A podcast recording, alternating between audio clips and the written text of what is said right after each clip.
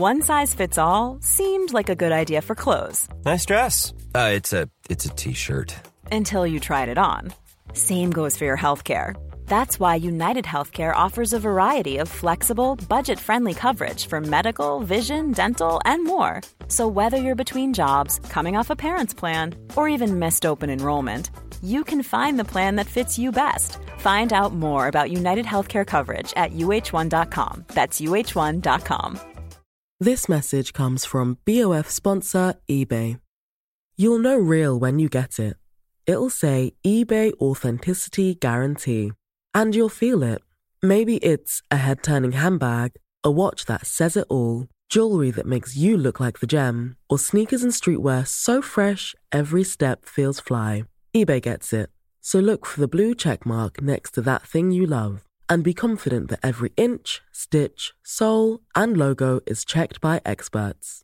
With eBay Authenticity Guarantee, you can trust that feeling of real is always in reach. Ensure your next purchase is the real deal. Visit eBay.com for terms.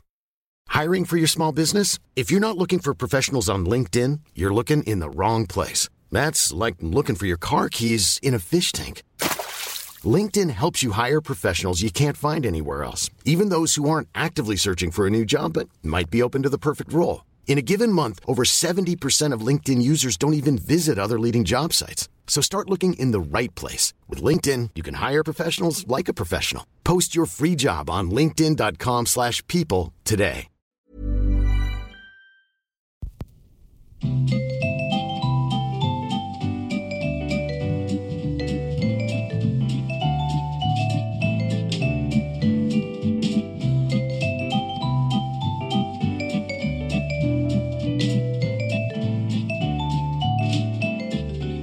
Edvard Bloms smörgåsbord.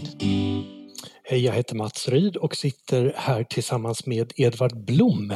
Ja, och det är oerhört trevligt för idag sitter vi ju hemma i min och Gunillas villa i vårt bibliotek. Ja, precis. Eh, och jag tittar mig runt här och eh, ser att det är väldigt mycket böcker även för att vara ett bibliotek.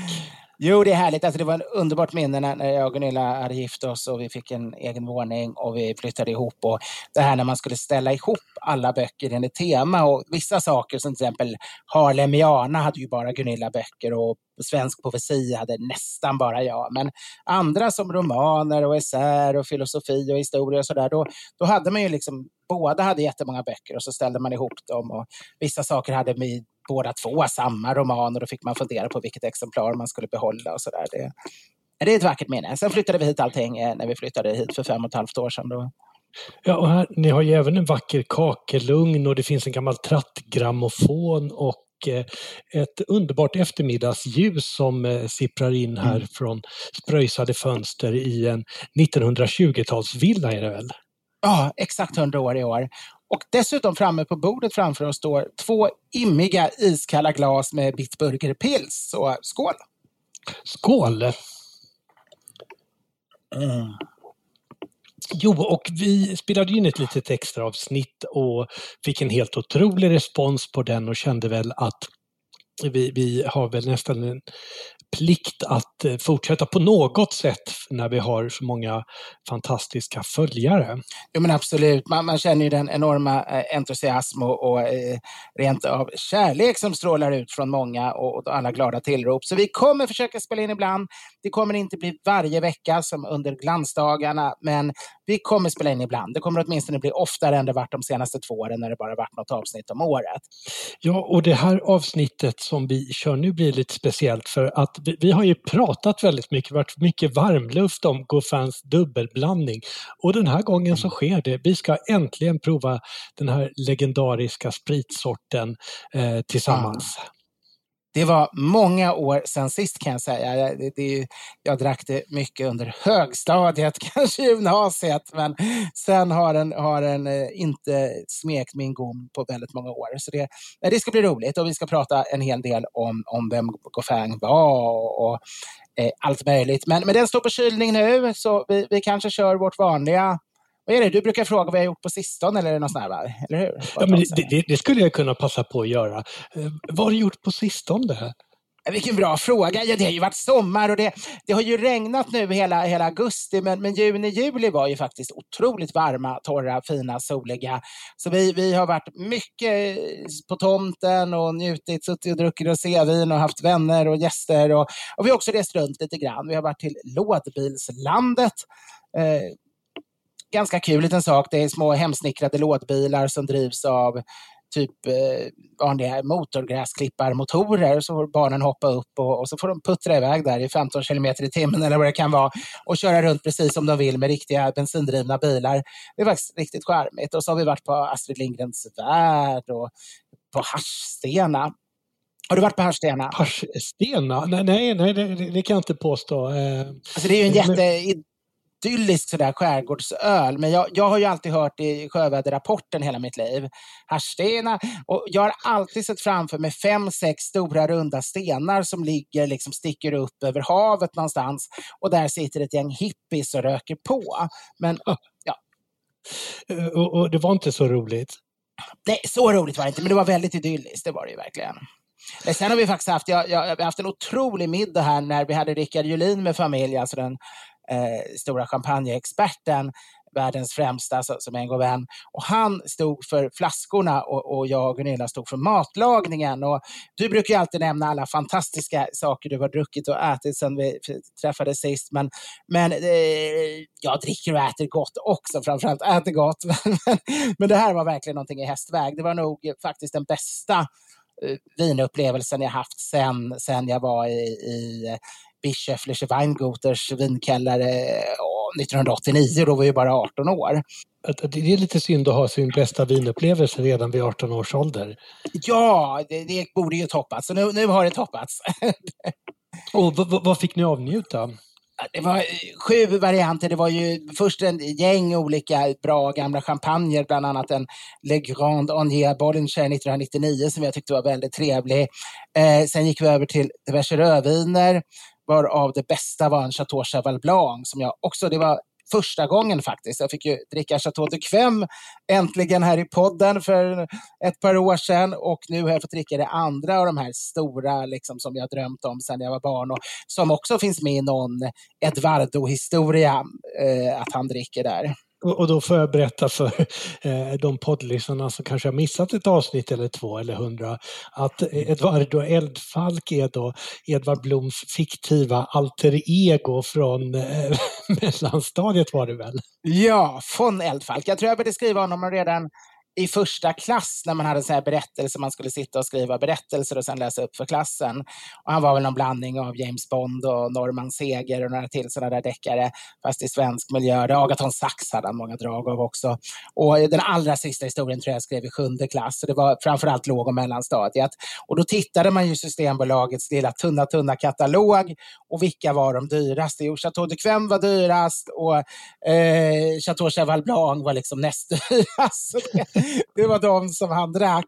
Eh, jag hade inte ens en aning att Chateau de Quem var ett ädelsött vin. Då. Jag trodde ju det också var någonting man kunde dricka till middagen. Liksom. Men eh, nu har jag fått prova båda två, så nu, nu är det inte så mycket kvar. Det är Chateau Petrusque vore kanske kul att prova någon gång också, men, men jag kan känna att det är inte lika stor sak. Utan nu, nu har jag nog ändå testat det som är allra, allra mest sägenomspunnet. Ja, Vänta bara tills du provar en eh, Petrus 82, alltså, då, då kommer du ångra att du inte gjort det tidigare. ja, det, men något ska man ha kvar också. Ja. Vi, vi drack dessutom en, en, en Rheingau Erbacher Hohenrein, en Riesling som var från Gunillas födelseår 1971. Så det, det var ju lite roligt. Ja. Eh, själv så var höjdpunkten i sommar måste ändå varit, eh, eh, vi reste till Montauk längst ut på Long Island. Ah, vad kul! Åh, vad trevligt. Och, och, då kan man ju tänka sig så här, Long Island, hur lång kan den vara? Men, men den är ju längre än vad det är Stockholm-Gävle. Eh, och när man kommer oh. där till toppen blir det mm, absoluta spetsen där Montauk ligger så blir det en väldigt speciell atmosfär. Otroligt härligt och avslappnat. Åh, oh, vad härligt.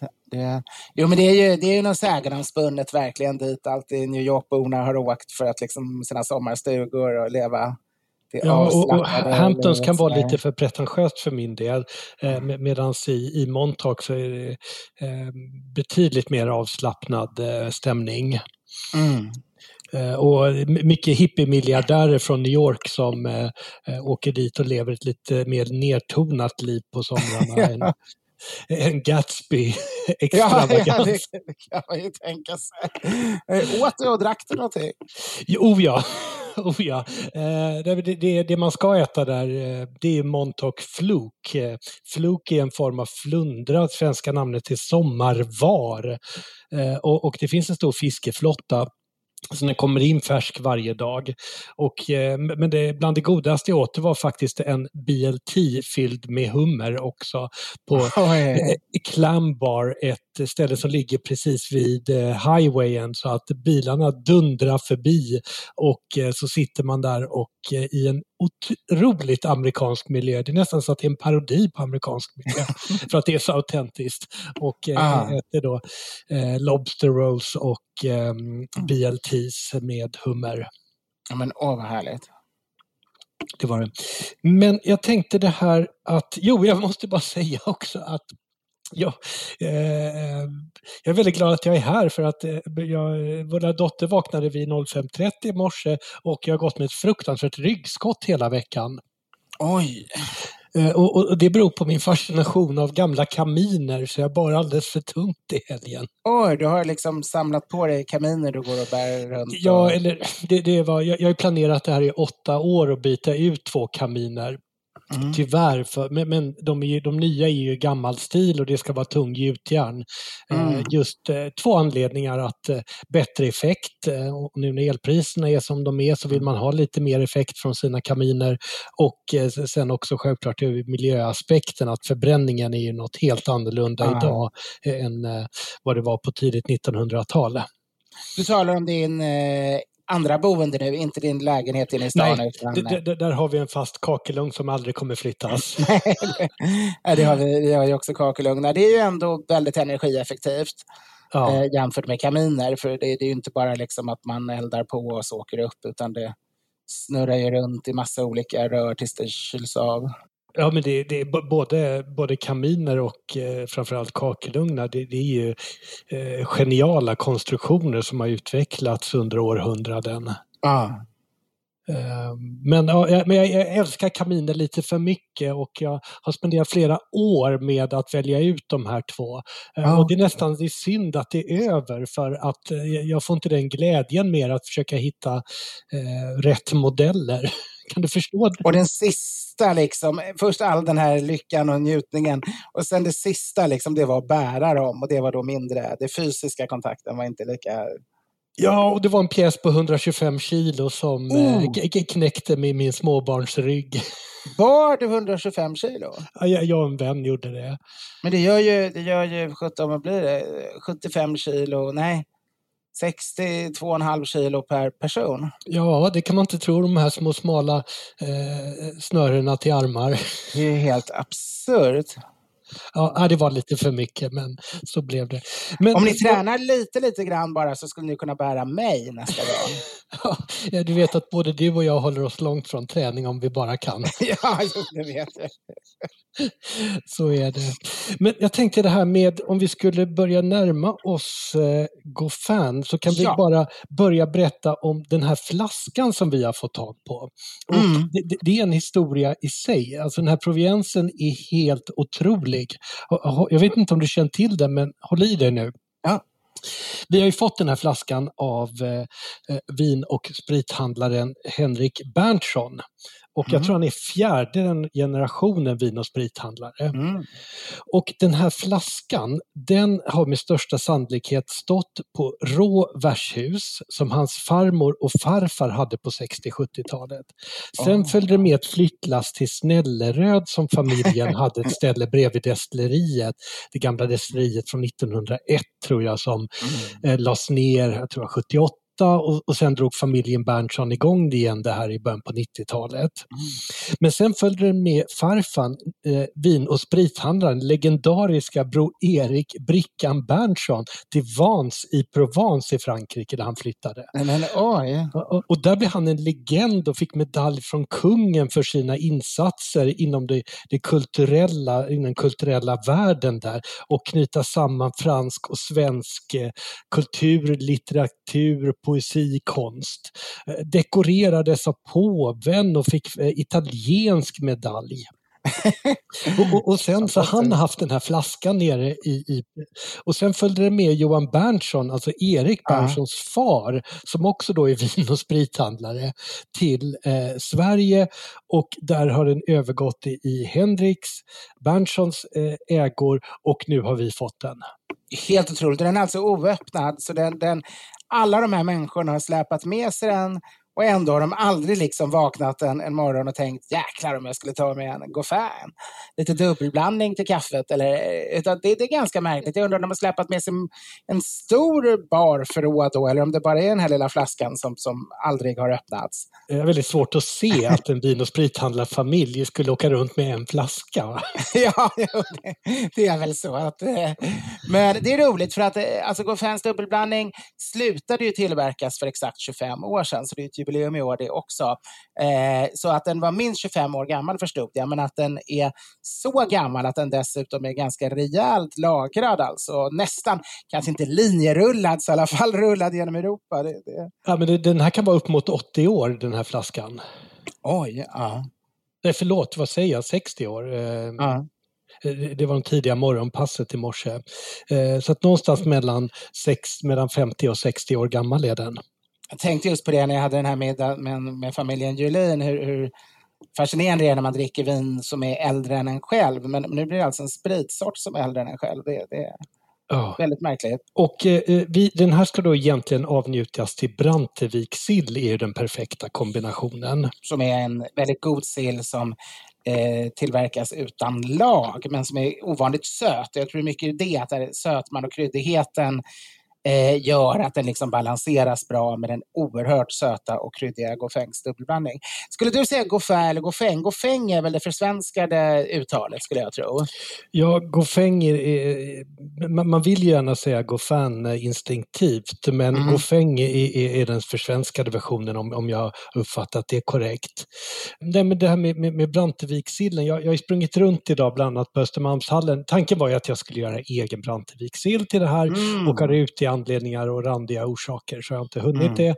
Och så sprang jag runt eh, bland annat på Östermalmshallen och den finns bara till högtiderna. Ah. Eh, men vi, vi, har en löksill i alla fall som ändå okay. ligger i, i närheten.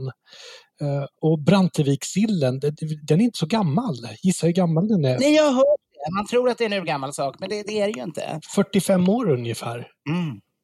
Och det, det, här är lite rolig historia för det är Bodil och Torsten Axtenius eh, som tog och serverade den här på en midsommar i Brantevik. Och de hade gjort det efter faster Magda Perssons recept har jag hittat. Ah. Eh, och tog med den här till festen och alla tyckte den var så god så att den spreds från den här festen och blev en av våra etablerade sillar. Oj, vad intressant. Och så blev det inte då faster Magda sill utan det blev efter festen då i Brantevik. Brantevik är ju en sån där liksom ställe man gärna vill förknippa en sill med naturligtvis, nere vid kusten i Skåne med massa sommargäster. Det... Ja, fast eh, Edvard, vi som vet, vi säger mm. faster Magdas. ja, det är klart. Faster Magdas, det, det, är också trevligt. Ja, och så blinkar man lite så här långt med ena ögat eller liksom ja. håller, håller upp det som franskmännen gör när de säger mon Nu är den stora frågan. Eh, jag har hittat en, en väldigt lång podd av en dirigent med namn Hans Lundgren som för, ja, det var nog en 15-20 år sedan. Han, han skrev en podd om själva personen eh, Goffeng. Och eh, då är frågan, ska vi gå igenom den här långa kulturhistoriska delen först eller ska vi smaka på själva drycken först? Ja, det behöver du inte fråga två gånger. Vi, vi Okej, spring och hämta den. Den står i frysen.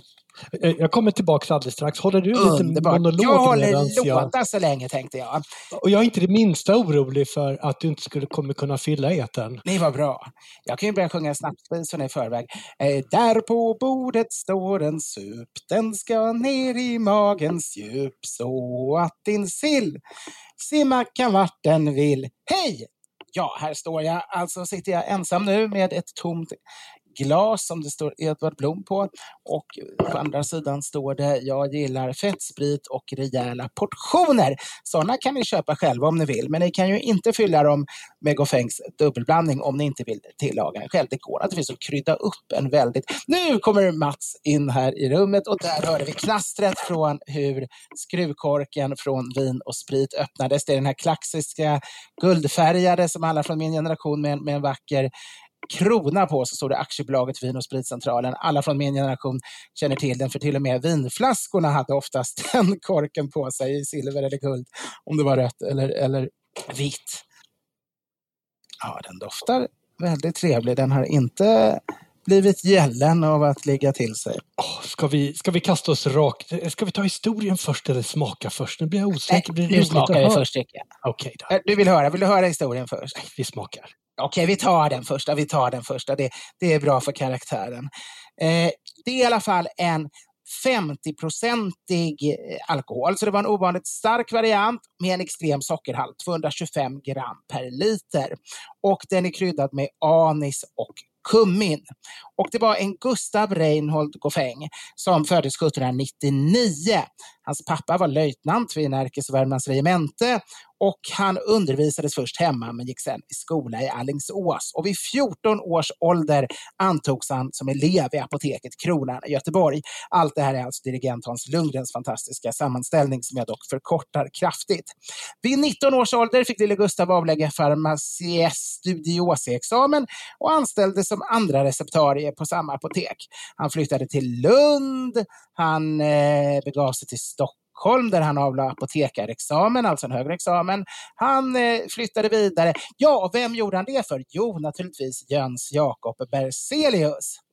Eh, Goffin flyttade sedan vidare, först till Örebro, sen till Lund och 1828 köpte han ett eget apotek i Simrishamn. Men det är när han senare, 1842, kom till Kristianstad och eh, en, köpte en stor gård dit han flyttade apoteket Svanen som han började tillverka mineralvatten, brännvin och andra saker. Och det är där Goffengs dubbelblandning kom till.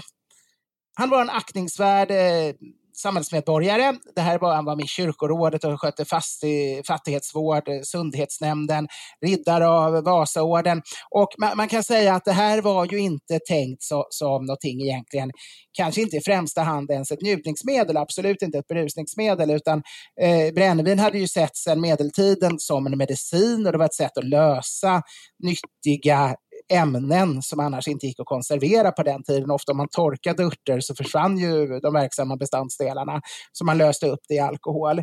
Och det här är väl tänkt som någonting som ska vara stärkande allmänt, lite bra för magen, bra för halsen. Eh, man, man, kan blanda ut det med hett vatten och dricka som så här förkylningsdekok och sådär. Så, så det, det, hade nog, och det finns då eh, vi kan hoppa, jag kan hoppa in där lite grann Edvard, att mm. vi har ju fått en lyssnarfråga ja. Eh, med det här att hej och tack för en jättebra podd. Det här är kanske något ni vet redan men tipsar om det ändå. Många tror kanske att Goffins dubbelblandning är en unik dryck, men det verkar inte så. Och det verkar som herr Goffin inspirerat eller till och med rakt av kopierat något som heter Kummel, Kimlish eller Alash som är en söt och kumminkryddad dryck med en alkoholhalt på 50 procent med hundraårig eh, historia i Europa och Ryssland. Och inte ens termen dubbel verkar så unik utan sysslar på något i produktionen. Och, och, och det, det, det, det, är svårt att säga hönan eller ägget här. Eh, men liksom, de här kryddorna, kummin, fänkolanis, malört, eh, de, de, har ju funnits i medeltida trädgårdar sedan medeltiden i Sverige, alltså efter 500-talet och framåt. Ah, ah. Och man har ju använt de här för, för olika syften. Och eh, socker använde man ju mycket för att det, det var ju svårt att dricka finkelbrännvinet förr i tiden. Mm. Eh, så, att, Övre stånden, de drack ju därför inte finkelbrännvin, de drack ju eau de vie alltså en sorts konjak man importerade, franskt brännvin man importerade och som var gjort av rödvin eller vitt vin om man ville ha det lite mildare och så blandade man kryddor och socker i med, medan vanligt folk fick nöja sig med det eh, mer finkelstinkande sädesbrännvinet eller sedermera potatisbrännvinet. Nej, men det här är ju en gemensam kultur, absolut. Och det är inte riktigt samma sak. För alltså, redan på 1600-talet destillerade Lukas Bolls, han som med Bollslikörerna, eh, en kumminlikör till exempel. Och, och ja. eh, Alash, ja men Alash innehåller ofta även, även eh, mandel och apelsinskal och så det är betydligt mer kryddor.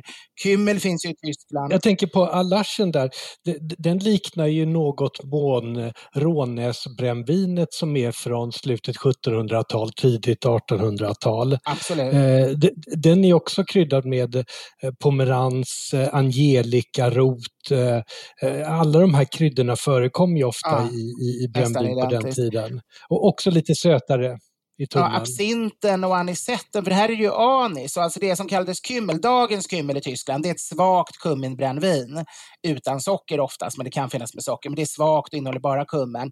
kummen. Men det som kallades kymmel historiskt var ju då alltså ett starkt sött eh, kummin. Men, men det innehöll ju inte anis. Däremot har vi ju då alla typer av anisetter och absinter och liknande som hade hög alkoholhalt, innehöll anis och socker. Eh, mm. Nyköpingsbrännvinet, det är väl också från, eh, jag tror tidigt 1800-tal. Och det är också ett sött, jag tror det ligger på 90 gram socker per liter. Ett sött anisbrännvin som var väldigt populärt på den tiden. Det var ju väldigt populärt när, när, när, det kom grekiska invandrare till Sverige innan det gick att köpa Oso här eller, eller Raki av något slag så, så drack de ju Nyköpingsbrännvin för att det är väldigt likt i smak, även om det görs på rent renat med, medans en, en riktig eh, Oso oftast gör på vindestillat, men eh, i alla fall en rak är alltid på, på någon form av grappa. Men i alla fall, nej, så man kan säga att det är lite grann en blandning av, av eh, dåtida 1700-tal, eller gammal kymmel och eh, gammal anisett. Men, men, så det, det, är ändå en helt speciell sak, men väldigt i linje naturligtvis med, med många andra sådana här, här eh, kryddade söta brännviner som fanns på olika håll. Mm. Jag måste bara slinka in att det var Carl Carl eh, Bornefelt som hade ställt en lyssnar kommentaren mm. hade vi fått in där så att det blir rätt här. Och det är lite roligt att han gjorde mineralvatten också för hans son var, var den kända. Alltså inte, inte Carl Bornefelt utan uh, Goffin. Ja, apotekare Goffins, Goffins son, det var eh, den Goffeng som sen blev chef och grundade Apotekarnas mineralvattenfabrik, den stora som sen eh, blev Apotekarnes som vi förknippar med läskedrycker. Men det var han som hela tiden motsatte sig, som jag pratat säkert om någon tidigare gång, eh, förra gången till exempel, eh, i vårt förra avsnitt, om, om att han motsatte sig läsktillverkning och det var först efter hans död som Apotekarnes kunde börja tillverka läskedrycker. För han tyckte bara man skulle tillverka riktigt medicinskt mineralvatten. Och det var alltså sonen till den Goffeng vi, vi talar om idag. Så vi har lite Goffeng-tema kan man säga. Allt hänger ihop. Ja, jag vet inte om vi hittar några andra Goffänger. Det fanns en Goffäng som var ansvarig för rumsförmedlingen av studentbostäder när jag låg i Uppsala, men jag vet inte riktigt om vi kan göra ett helt avsnitt av honom nästa gång. Det, kanske blir lite det, det, känns som att vi börjar slira ut nu här. Vi behöver tillbaks till mittfåran. Ja, tillbaks! Låt oss fatta glaset och helt enkelt prova nu, tycker jag. Oh. Here's a cool fact. A crocodile can't stick out its tongue. Another cool fact. You can get short-term health insurance for a month or just under a year in some states. United Healthcare short term insurance plans are designed for people who are between jobs, coming off their parents' plan, or turning a side hustle into a full time gig. Underwritten by Golden Rule Insurance Company, they offer flexible, budget friendly coverage with access to a nationwide network of doctors and hospitals. Get more cool facts about United Healthcare short term plans at uh1.com. Ever catch yourself eating the same flavorless dinner three days in a row? Dreaming of something better? Well, HelloFresh is your guilt free dream come true, baby. It's me, Gigi Palmer. Let's wake up those taste buds with hot, juicy pecan crusted chicken or garlic butter shrimp scampi. Mm. Hello Fresh. Stop dreaming of all the delicious possibilities and dig in at HelloFresh.com. Let's get this dinner party started. Many of us have those stubborn pounds that seem impossible to lose, no matter how good we eat or how hard we work out. My solution is PlushCare PlushCare is a leading telehealth provider with doctors who are there for you day and night to partner with you in your weight loss journey. They can prescribe FDA-approved weight loss medications like Wagovi and Zepbound for those who qualify. Plus, they accept most insurance plans. To get started, visit plushcare.com slash weight loss. That's plushcare.com slash weight loss. Äntligen, det är första gången för mig. Det är det? Oj, skål! Mm. Det här är ju onekligen en väldigt speciell sensorisk upplevelse. Mm. Ehm, Den, den har ju full kraft direkt. Mm. Och det börjar ju med söta anistoner och sen blåser kumminen på i ett crescendo innan den ebbar ut med lite sötsliskiga kryddtoner. det bränner ju i munnen. Jag får se vad som händer med min magmun eh, efter det här. Men alltså, den är ju aggressiv, den är ju riktigt stark. Alltså, man känner det alkoholstarka mycket mer än man känner i en 50-procentig vodka. 50,5 procent tror jag till och med den har varit traditionellt, läste jag någonstans. Eh, men de flesta skriver 50. Eh, och, och det är ju mycket intensiva kryddsmaker. Det känns ju som en sorts medicin. Kan, första sekunden tänker man att, man, man, att det är kokfilana eller någonting man tar på en sked för, för halsen eller för, för hosta eller liknande. Jag är nästan lite tagen av upplevelsen här eh, och eh, behöver även samla mig för att smälta den här Ja. intensiva stöta ton. Jag tycker den är godare än, jag, än jag minns den ändå. Det, det kanske är för att den är 60 år. Jag skulle tro det, att den har vunnit väldigt mycket på lagring. Att den var, den, tänk ju hur rivig, när du känner den här kryddan, nu tänk hur rivig den var när den var alldeles nyproducerad. När den bränner så här vid det här, här laget. Och sen när man har kummin i den här koncentrationen, eh, då, då utvecklar ju, från kumminen får man också en mandelton som jag tycker är påtaglig eh, Mm. i, i, i det här crescendot som kommer efter eh, den inledande anistonerna. Jag provar lite med sillen till. Jag tycker Ja. faktiskt att den är godare ren utan sill. Det, den går bra ihop med sillen, men sillen förtar mycket av kryddsmakerna. Då blir det lite grann som att dricka sockerlag kan jag känna. Sen tycker jag att ättikan eh, och den höga syran i sillen hjälper till att dämpa den här extrema sötman som den har. Mm. Men, men sen kommer sötman tillbaks och, och eh, kväver all syra i munnen och lägger sig som ett sockervadd. Jag kan tänka mig att det här är fantastiskt när man har hosta. Har också, är det ett bra betyg? modern kymmel, alltså den söta varianten av modern kymmel som bara innehåller kummin, ganska svag alkoholhalt och så. Eh, den blandar man, eller den innehåller nog inte ens socker, den blandar man med socker och hett vatten i Nordtyskland just och har som tepunsch, liksom, eller hett te. Och, och, och liksom som så här när man känner sig lite huttrig och lite hostig och så. Jag tror den här skulle kunna funka och, och, och köra på med hett vatten också. Oh ja, definitivt. Och eh, ett stort tack här till Henrik Berntsson som har gjort det här möjligt. Ja, Eh, och, och vi har, har ju haft kontakt med honom en väldigt lång tid eh, om den Mm. här flaskan. Och han har ju hunnit starta ett, eh, en egen agentur här i Mm. Sand Berntsson-anda som heter Bieber Beverages. B-E-R. Eh, som har bland annat lyckats ta in ukrainsk vodka. Men, men, det kommer vi kanske återkomma till. Ja, det kan nog se ut så att jag tar med ett glas av det i vårt nästa avsnitt faktiskt. Ja, du, du, du har fått tag på en av de flaskorna. Ja, det har jag. Och det är väldigt roligt om vi kan slå ett slag för att man ska köpa ukrainska produkter kan jag tycka. Det, det tycker jag verkligen att eh, man ska göra i all utsträckning man kan. Stödja det här fruktansvärda anfallskriget som pågår. Mm. Ja. Eh, och allt vi gör känns futtigt och eh, nästan lite absurd vår njutning när eh, det är så mycket lidande i Europa. Å andra sidan så måste livet fortsätta och om vi kan skänka någon glädje i världen under den här tiden så gör vi gärna det. Jag håller med dig i allt utom att det väl är motståndet mot det fruktansvärda anfallskriget vi ska stödja. Eh, Ja, ja, ja, det, nu, nu blev det en sån här Borat, eh, I support your war of terror. Eh, nej, jag håller helt med dig fullständigt. Eh. eh, innan vi lämnar, nu blandar vi högt och lågt och, och, och smärtsamma ämnen och eh, glada ämnen, men innan vi lämnar eh, Goffengs dubbelblandning så skulle jag ändå vilja dra lite egna små minnen. För att jag har talat så mycket om den här och, och därför vi kommit in på tidigare, det är ju för att det var så roligt menar, när, när man var 18 år, nej, när man var, förlåt, när man var 16, 15, 15 år var vi nog i nian när vi första gången intresserade oss för att ordna små kräftskivor med, med, med några grabbar och, och ha snaps till. Då var det ju ganska här... sent. Att ha kräftskivor? Ja, vi hade ju haft kräftskivor med familjen jämt. Jag talar första kräftskivorna när man bara var så här, 7, 8 herrar, liksom, 15 ynglingar som skulle ha egen, egen fest.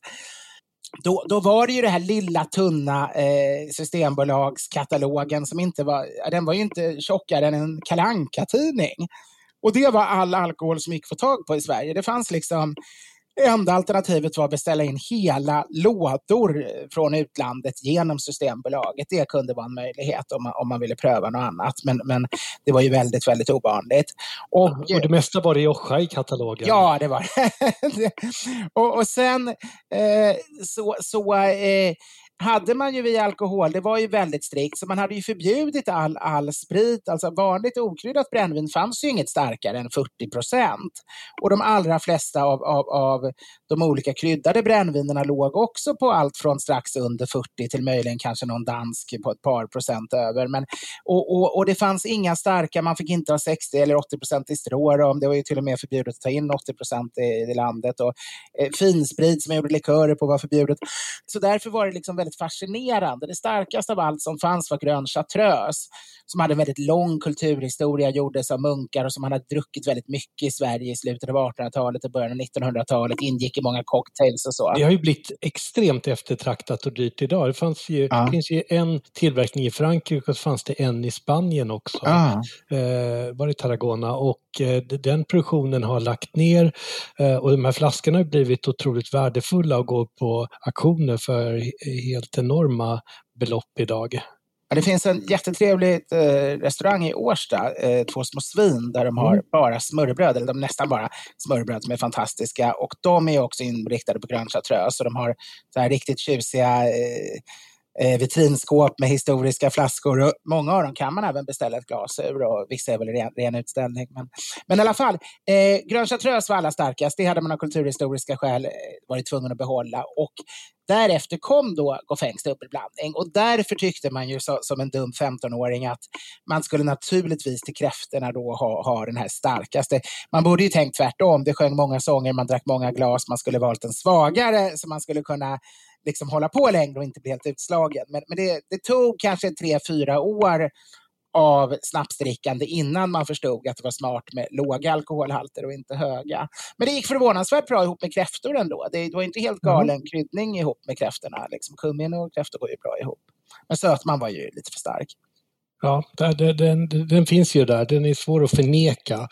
Eh, men eh, danskt eh, brännvin har ju traditionellt sett på 1800-talet varit 47,4 procent. Ah, ah. Medan svensk brännvin var väl nästan eh, lite svagare, runt 30-35 någonstans där. Historiskt? Nej, det, det, då är det tillbaka till 1700-talet skulle jag säga. 1800-talet tänkte jag innan man började få... Med dubbeldestilleringen? Det, kan, ja. det är absolut renat. Det är möjligt att det ända fram till dess var så, ja. Att det först är det sena 1800-talet som den kommer upp. För man, man, det typiska när man tänker de sorter vi idag har från 1800-talet, de ligger ju på runt 40. Ja, men, men det är efter Edlo Smith eh, ja. revolutionerade brännvinstillverkning. Mm man, man förknippar ju väldigt mycket av det som är, är 1800-tal, då tänker man ju väldigt mycket på de sista 30-40 åren av 1800-talet. Eh, när man talar om 1810, 20, 30-tal, då är det ju ganska likt 1700-talet fast fattigare och mindre glansfullt. Det är ju liksom en sån här downperiod som egentligen inte är, är så mycket och roligt att tala om där. Men om, om vi ska avsluta ja. den här upplevelsen. Flaskan är underbart vackert, patinerad. En, den här färgen, hur ska man beskriva den? En, det är nästan pastellblågrön.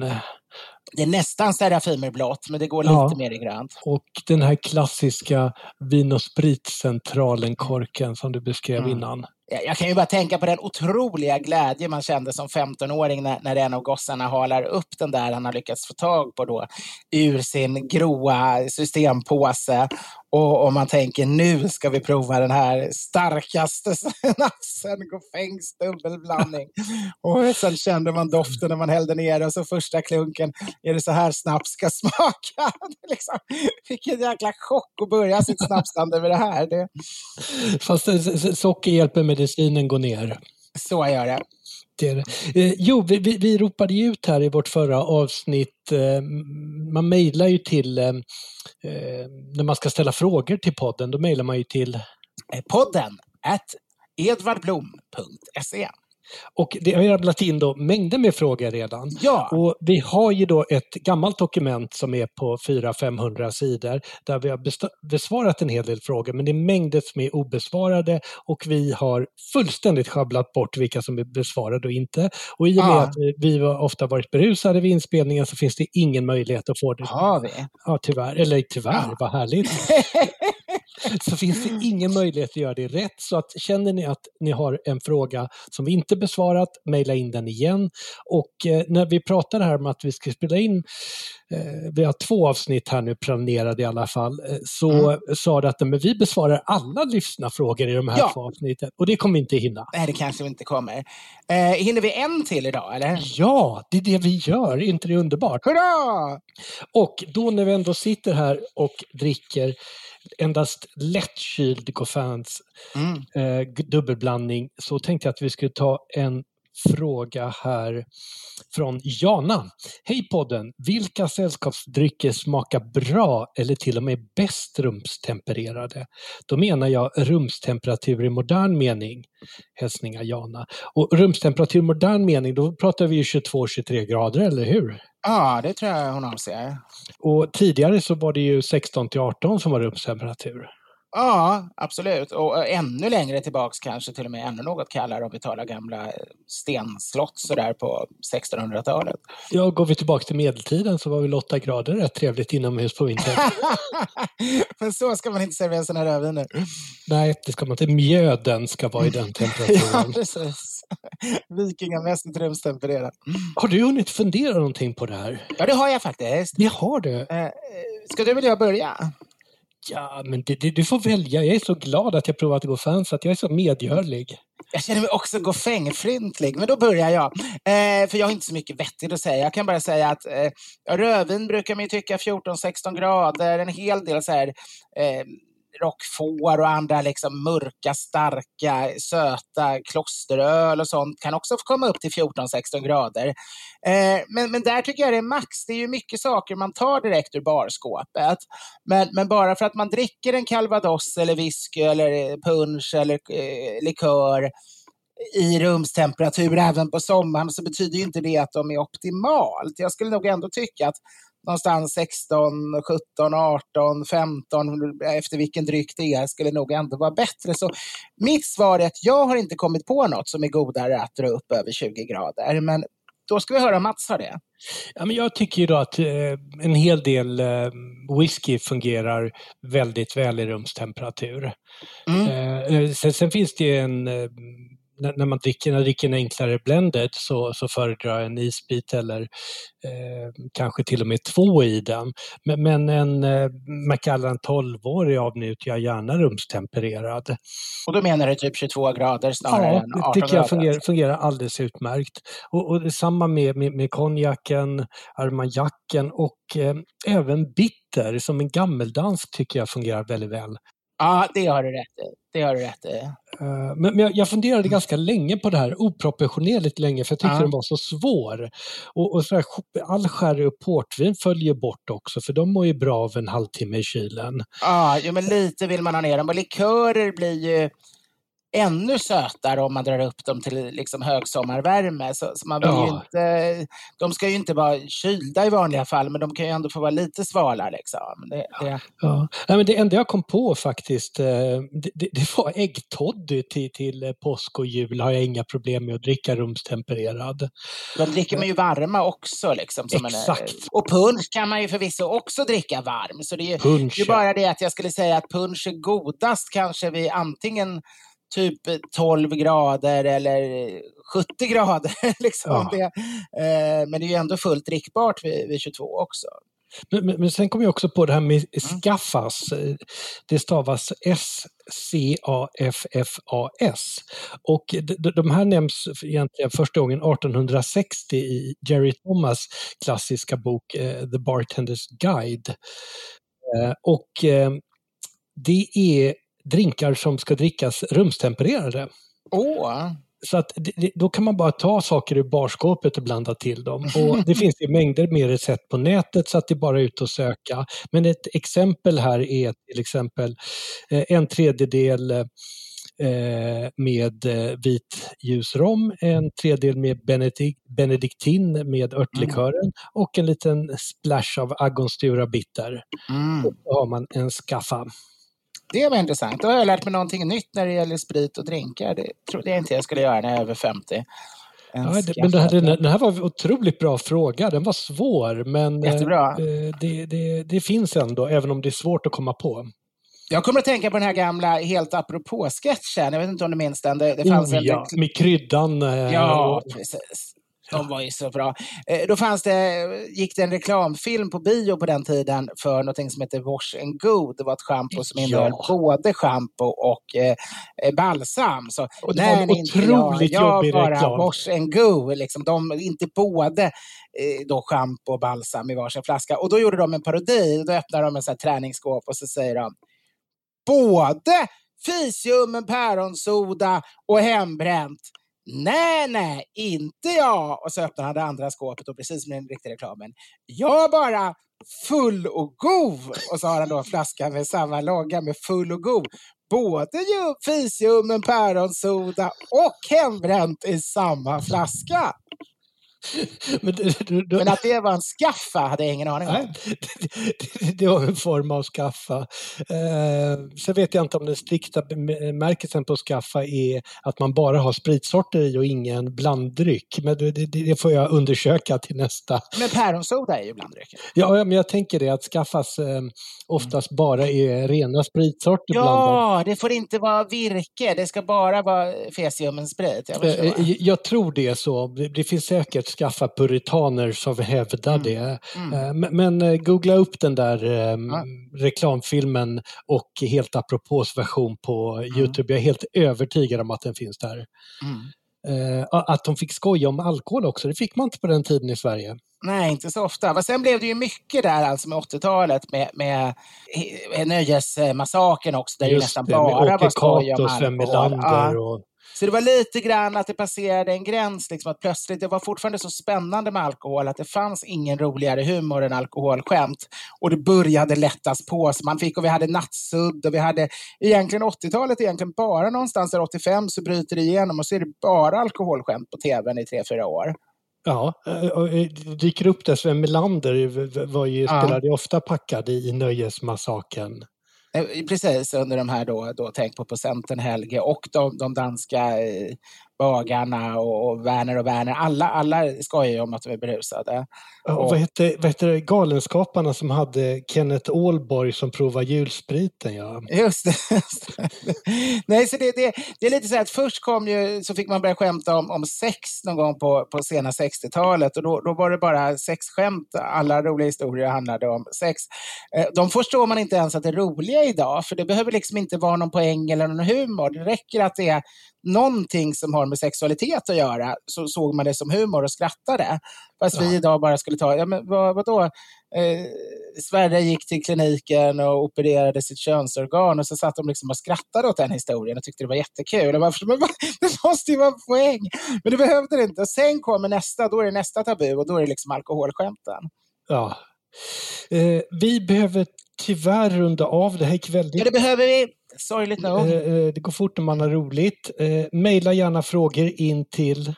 Pidden, nej, podden, at edvardblom.se. Den slog hårt den här 50 procenten. Mm. Nu skrattar alla skåningar födda eh, på, på 40-talet. Ja, skål för alla skåningar födda på 40-talet. Skål! Skål!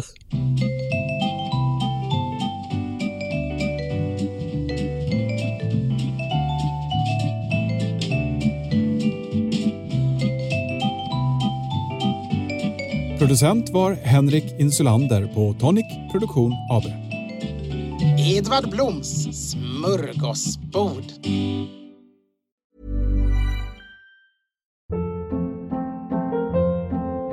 Hold up. What was that? Boring. No flavor. That was as bad as those leftovers you ate all week. Kiki Palmer here, and it's time to say hello to something fresh and guilt-free. Hello Fresh. Jazz up dinner with pecan-crusted chicken or garlic butter shrimp scampi. Now that's music to my mouth. Hello Fresh. Let's get this dinner party started. Discover all the delicious possibilities at hellofresh.com.